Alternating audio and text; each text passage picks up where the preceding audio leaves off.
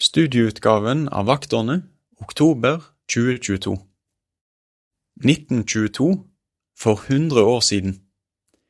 Gud gir oss seieren ved Jesus Kristus.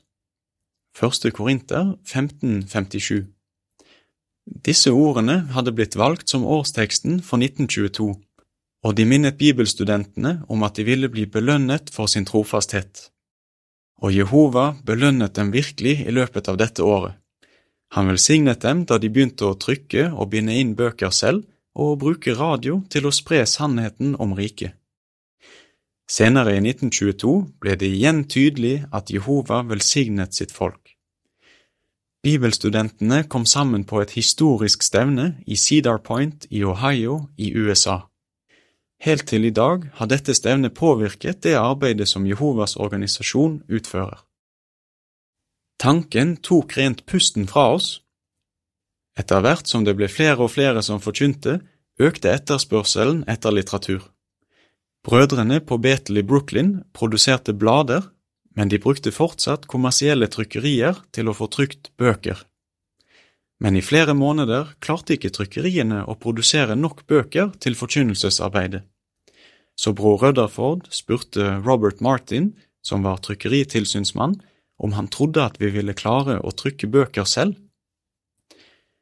Tanken tok rent pusten fra oss, sa bror Martin, for det ville bety at vi måtte få et komplett utstyrt trykkeri med setteri, galvaniseringsutstyr, trykkpresser og bokbinderi. Brødrene leide lokaler i 18 Concord Street i Brooklyn og skaffet det nødvendige utstyret. Det var ikke alle som likte denne forandringen. Direktøren for et trykkeri som hadde produsert bøker for oss, besøkte det nye trykkeriet vårt. Han sa, Her har dere deres eget førsteklasses trykkeri, og så er det ingen her som aner hvordan det skal brukes. Om seks måneder kommer alt sammen til å være en skraphaug. Det hørtes logisk ut, men han tok ikke Herren i betraktning, og han har alltid vært med oss, sa bror Martin og han hadde helt rett. Etter kort tid produserte det nye trykkeriet 2000 bøker hver dag. Tusener blir nådd ved hjelp av radio. I tillegg til at Jehovas folk begynte å trykke en del av bøkene sine selv, tok de i bruk en ny metode for å spre det gode budskap, nemlig radiosendinger. Søndag ettermiddag den 26. februar 1922 talte bror Rødderford på radio for første gang. Han holdt foredraget Millioner av nålevende mennesker skal aldri dø på radiostasjonen KOG i Los Angeles i California. Det var rundt 25 000 som hørte på foredraget. Noen av dem sendte takkebrev til bror Rødderford. En av dem som skrev, var Willard Ashford, som bodde i Santa Ana i California. Han takket bror Rødderford for en spennende og interessant tale. Han skrev videre, Med tre syke i huset ville ikke noen av oss hatt muligheten til å lytte til talen din hvis den ikke hadde blitt sendt på radio. Vi hadde ikke engang kunnet komme hvis du hadde holdt den i nabolaget vårt. Brødrene fortsatte å bruke radiosendinger. På slutten av året anslo The Watchtower at minst 300 000 hadde hørt budskapet via radio. På grunn av den gode responsen bestemte bibelstudentene seg for å bygge en radiostasjon på en eiendom på Staten Island, ikke langt fra Betel i Brooklyn. I årene som fulgte, brukte bibelstudentene denne radiostasjonen, WBBR, til å spre budskapet om riket til mange mennesker på mange steder. ADV The Watchtower for 15. juni 1922 opplyste at det skulle bli holdt et stort stevne i Cedar Point i Ohio 5. til 13. september 1922. Da bibelstudentene kom til Cedar Point, var de fulle av forventning. I sin velkomsttale sa bror Rødderford til forsamlingen, Jeg er overbevist om at Herren kommer til å velsigne dette stevnet og sørge for at det blir forkynt som aldri før her på jorden. Talerne på stevnet oppmuntret brødrene og søstrene gang på gang til å delta i forkynnelsesarbeidet. Fredag 8. september var det omkring 8000 spente stevnedeltakere som fant seg en plass i salen. De gledet seg til å høre den talen bror Rødderford skulle holde, og håpet at han skulle forklare hva ADV betydde, de bokstavene som sto på invitasjonene deres. Da de satte seg, la noen av dem sikkert merke til en stor rull over scenen.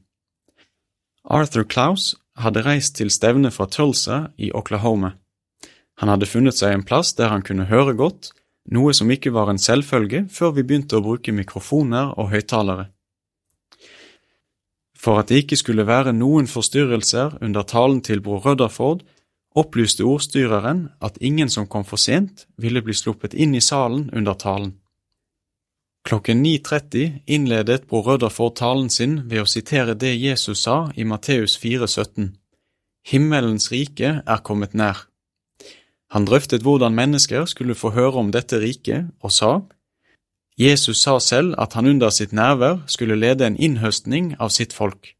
Han skulle samle inn de trofaste og lojale. Bror Klaus, som satt i salen, fortalte, vi slukte hvert ord. Men plutselig følte han seg dårlig og måtte gå ut. Han hadde ikke lyst, for han visste at han ikke ville slippe inn igjen. Det tok ikke mange minutter før han følte seg bedre. Han fortalte at da han var på vei tilbake til salen, hørte han høy applaus. Det gjorde ham veldig bestemt på å få med seg resten av den spennende talen, om han så måtte klatre opp på taket. Bård Klaus, som var en ung mann på 23 år på denne tiden, fant et sted der han kunne klatre opp. Takvinduene sto åpne, og da han kom fram til dem, hørte han talen veldig godt. Men Arthur var ikke alene på taket. Han så noen av vennene sine der. En av dem, Frank Johnson, skyndte seg bort til ham og spurte, Har du en skarp lommekniv? Ja, det har jeg, svarte Arthur. Du er svaret på våre bønner, sa Frank. Ser du denne store rullen? Det er et banner som er hengt opp her. Følg godt med på det dommeren sier.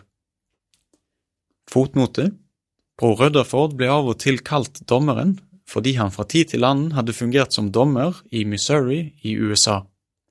Avsnittet fortsetter. Når han sier, og dere må forkynne, forkynne, skal vi kutte disse fire snorene. Så Arthur og de andre sto klare med knivene og ventet på signalet. Bror Rødderford kom snart til høydepunktet i talen sin. Han talte med glød og stort engasjement og må nærmest ha ropt Vær trofaste og sanne vitner for Herren. Gå på i kampen til de siste rester av Babylon er ødelagt. Forkynn budskapet vidt og bredt. Verden må få vite at Jehova er Gud, og at Jesus Kristus er kongers konge og herrers herre. Dette er den mest betydningsfulle av alle tider. Se, kongen regjerer. Dere er hans budbringere. Derfor, forkynn, Forkynn, forkynn om kongen og hans rike. Arthur fortalte at han og de andre brødrene kuttet snorene, og at banneret foldet seg elegant ut. På banneret sto det Forkynn, engelsk, advertise, derfor bokstavene ADV, om kongen og riket. Et viktig arbeid. Stevnet i Cedar Point hjalp brødrene og søstrene til å forstå hvor viktig forkynnelsesarbeidet var, og de som hadde en villig innstilling, var glade for å delta i det. En kolportør, nå kalt pioner i Oklahoma i USA, skrev Det området vi har gått i, ligger i kullgruvedistriktet, og mange der er veldig fattige. Han sa at folk ofte begynte å gråte når de fikk høre noe av det som sto i The Golden Age. Han skrev til slutt, Det er en stor glede å kunne trøste dem. Bibelstudentene følte at det Jesus sa i Lukas 10,2 gjaldt dem. Høsten er stor, men arbeiderne få. Da 1922 gikk mot slutten, var de mer bestemt enn noen gang på å forkynne budskapet om riket vidt og bredt. Her tar vi med en ramme med overskriften Verdensomfattende vitnesbyrd Den 26. februar 1922 deltok bibelstudentene i et verdensomfattende vitnesbyrd, Over hele verden arrangerte de spesielle møter der interesserte kunne høre foredraget Millioner av nålevende mennesker skal aldri dø. Foredraget ble oversatt til minst 33 språk, og The Watchtower skrev at nesten alle brødre som kunne holde et offentlig foredrag, ble brukt til å holde denne talen.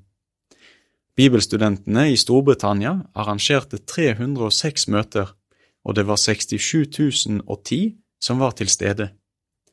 I Belgia, Frankrike og Sveits var det over 15 000 fransktalende som kom på disse møtene.